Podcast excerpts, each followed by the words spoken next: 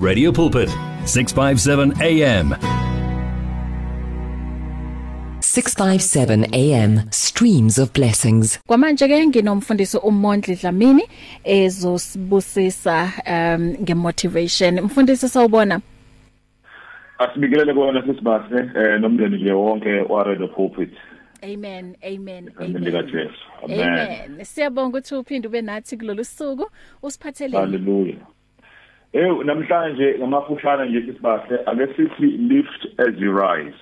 Mm. lift as you rise. Kune scripture esibu Genesis chapter 45 I'd like to take three verses there. It's verse 5 7 and 8 the bible says do not be distressed and do not be angry with yourselves for sending me here because it was to save lives that God sent me ahead of you. Then verse 7 says, But God sent me ahead of you to preserve for you a remnant on the earth and to save your lives by a greater by a great deliverance. So then it was not you who sent me here, but God. He made me father to Pharaoh, lord over his entire household, and ruler over of all Egypt. So kafushane nje sisibahle lana istory sika Joseph esaziyo sonke eh ukuthi wadayisa abafowabo eGibhithe eh and then later on they they they, they, they to cross path beyofuna ukudla. Eh but la engikhona kule concept of lifting as we rise ukuthi eh, kunama groups abantu awu3 kukhona igroup yabantu asibe ngaphambili kwethu eh asibefikile lapho sifuna ukuya khona. Kube khona igroup yabantu eh esikuyo esiku same level nabo bekhona igroup yabantu abangasemva kwethu abafunayo ukuthi bafike la sifike khona. So nabasangqongqoza they are still knocking at our door. They, they are the role model to some of the people. So ke now la uJoseph understood the purpose eh ukuthi adayiswe abafowabo bamdayisele eGibhithe. So la ngikhona ngisekutheni uma uNkulunkulu ekuphakamisa akakuphakamiseli wena wedwa kodwa ukuphakamisela ukuthi kuzuze nabanye and other people's life to be refreshed. So i'm saying to us today with family yonke at the pulpit let us lift as we rise. And in our lifting let us lift genuinely. And as we lift let us not get caught up in the way of in the way of the how.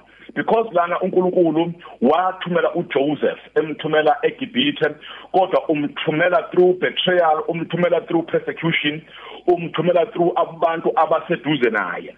So ukuthiwa wesefike wesefike kwesuke position yakho engakwazi ukuthi athi pay revenge eh akwazi ukuthi aziphindiselele impindiselo akusiyona yethu ekaNkulunkulu. And futhi we need to understand ukuthi as we are promoted uNkulunkulu esipromoter uNkulunkulu usipromothela for a reason. So now as we lift and and and, and rising it's very important ukuthi uh, as sinyuka sifinyelela kuma achievements wethu singena endaweni eziphakemeyo kodwa futhi sikhumbule lapho sivela khona singawuvala umnyango ngemuva.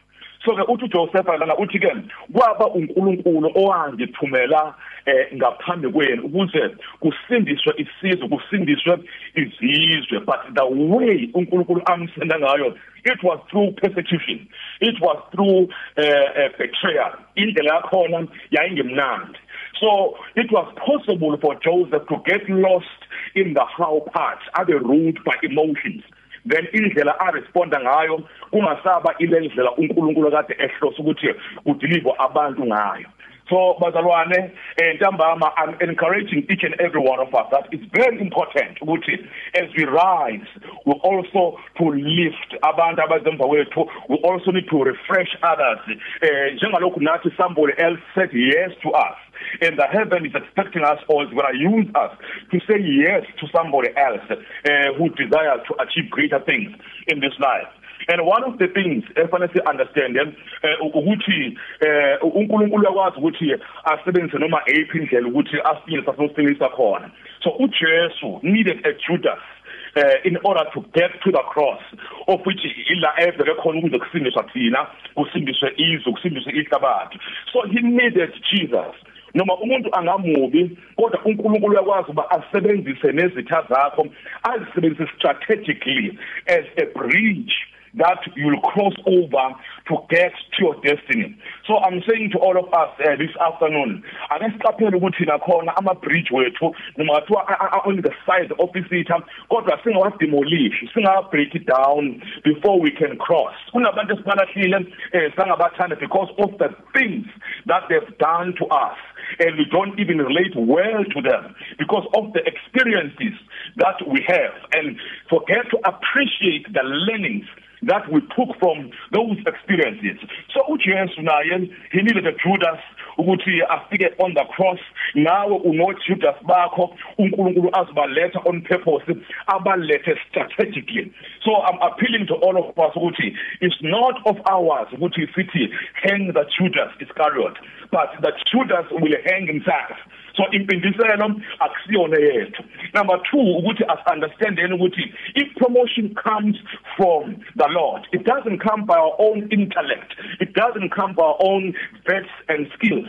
But it comes from the lord. Kukhona umuntu manje ohleze kweposition ethize ongaqualify ukuthi ahlale kuyo or mhlambe okunabangcono abaqualified kangcono kunaye. Kodwa uNkulunkulu uchoose ukuthi akupromote akubeke to a certain level not because you qualify but because of his choices and because of the way he chose things to be. So uNkulunkulu bazalwane othumela uthi Joseph uNkulunkulu kwangithumela ngaphambili. Kwena ukuthi wamthumela kanjani ke okaNkulunkulu lo God you know is sending us to our destinies but the how part sometimes it, it that part doesn't get revealed that much. Uma uzo reflector ngoIsrael ephuma eGibhithe eya eya eKhanana uNkulunkulu akasho ukuthi there will be snakes or along the journey there will be Red Sea there will be River Jordan that that they need to cross over and other things that they experience in the desert. But he told them uh, about the destiny uh, where they are going the how part we can depend on God ukuthi uNkulunkulu uya provide uh, ezimweni zonke. But okwethu ukuthi nathi uma ebesinyusile uNkulunkulu sinyuse nabanye without expecting special favors. Sinyuse abanye genuinely. Njengalokwenziwe kuthina nathi sivulele iminyango abanye sibe a refreshment to other people. Promotion again is of the Lord. When you read uh, Psalms 75 verse 7 the bible says It is God who judges. It is God who judges. He brings one down, he exalts another. uNkulunkulu uyenza lonto. He's able to bring one down and exalt another. Uma uqhubeka uya ku Psalms 115 verse 14, the Bible says, "It is God who causes you to increase." So the increase onayo it's not because uhlakaniphe kakhulu. Ama businesses onawo it's not because we are too skillful than others. Kodwa uNkulunkulu owenzela ifavor, owenzela umusa ukuthi ube nalempahla onayo. And as you rise you need to look back and lift the others. Ipromotion basane bami ivela uNkulunkulu. Uma ekuphakamisa uNkulunkulu ukuphakamisela for a greater purpose and ensure that you bring others along with you in that journey. Make sure that other people are refreshed by your success. uNkulunkulu nje unjalo uyamkhetha umuntu amphakamise amphakamise for a reason. So uma usuphakeme ungabe arrogant. Remain humble always. Remain humble. Be accessible. Do not close the door behind your back. There are people who desire to be where you are. Kunabantu abafuna babe sendaweni lapho ukhona. Just as you receive uh, if you freely receive you shall freely give. Without uh, expecting any favors. Mashobami and the family of Radio Pulpit i'm saying to all of us today and this afternoon let us lift as we rise. Let us be a refreshment to other people. Let us water other people. Let us make sure that we, we, we encourage the culture of love uh, to help one another. Ukusiza omunye umuntu ukuzisiza wena uyayibekela. Uthi uthi uthi sengivala uthi uDavid uthi ukhona yini osele endlini kaJonathan ukuthi ngimenzele umusa ngenxa kaJonathan? So when you do favors to others uwenza genuinely. Yonto ibenefita your generations to come. So awuzenzeli wena njengamanje. You are sowing a seed that will come back to you and I repeat again today pressed down shaken together running over to make room for more. I'm saying let us lift as we rise. Asibonge sisiwami Wow, wow mfundisi. Ukhalimambo uthi amen ku motivation. Ngiyayithanda ke le Amen. oyishoyo ukuthi uma uNkulunkulu esekubusisile ungabi arrogant. And exactly sisiwami Yebo, uyayisho nendaba la ukuthi uyakwazi ukusebenzisa izitha zakho ukuze ukwazi ukufinyelela empumelelweni. Wow. Um, ungayiqithi zonke sesizitha zakho ngoba khona Yep. izinto zakho that are connected to your destiny you need a Judas Iscariot as long as you know Yeah. what kind of uh, uh, person is around you you are able to manage them accordingly but Sure. don't chase everybody away Yo, U- uTerence eh, Kakamas uthi I believe that God is preparing me for my Oscars. Uthi I have been working behind the scenes for many years. I believe my 10 is very close. So kusho ukuthi Awesome. yes umbusisile kakhulu ngale motivation. Mfundisi wami asiphinde sihlangane Amen. futhi evikini elizayo. Konje bakuthola kuphi uma ungekho la emoyeni? inamba yami sisithi 079529 1792 ku Facebook is PS Mondi Dlamini. Let us lift as we rise. Amen. Asihlangane futhi evikini elizayo. God bless you. God bless you sithi inkosi umusi Asiphume kanje ke mfundisi sithi Father we praise you. Father we love you. Father we adore you. Amen. One vision, one voice, one message. Radio Pulpit 657 AM and 729 Cape Pulpit, impacting lives from Gauteng to the Cape. If you need prayer, please send your request to prayer at radiopulpit.co.za or WhatsApp 067 429 7564 or go to Radio Pulpit website on www.radiopulpit.co.za. In today's rush world, there is limited time for yourself. Your cell phone, however, is with you all the time. So why not use it? Visit our Radio Pulpit website with your cell phone and restore your soul.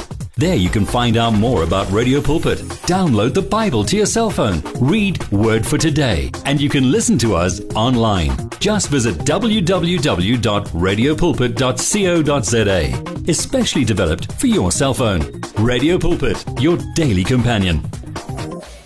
You and 657 AM and life, a winning team on the road to eternity.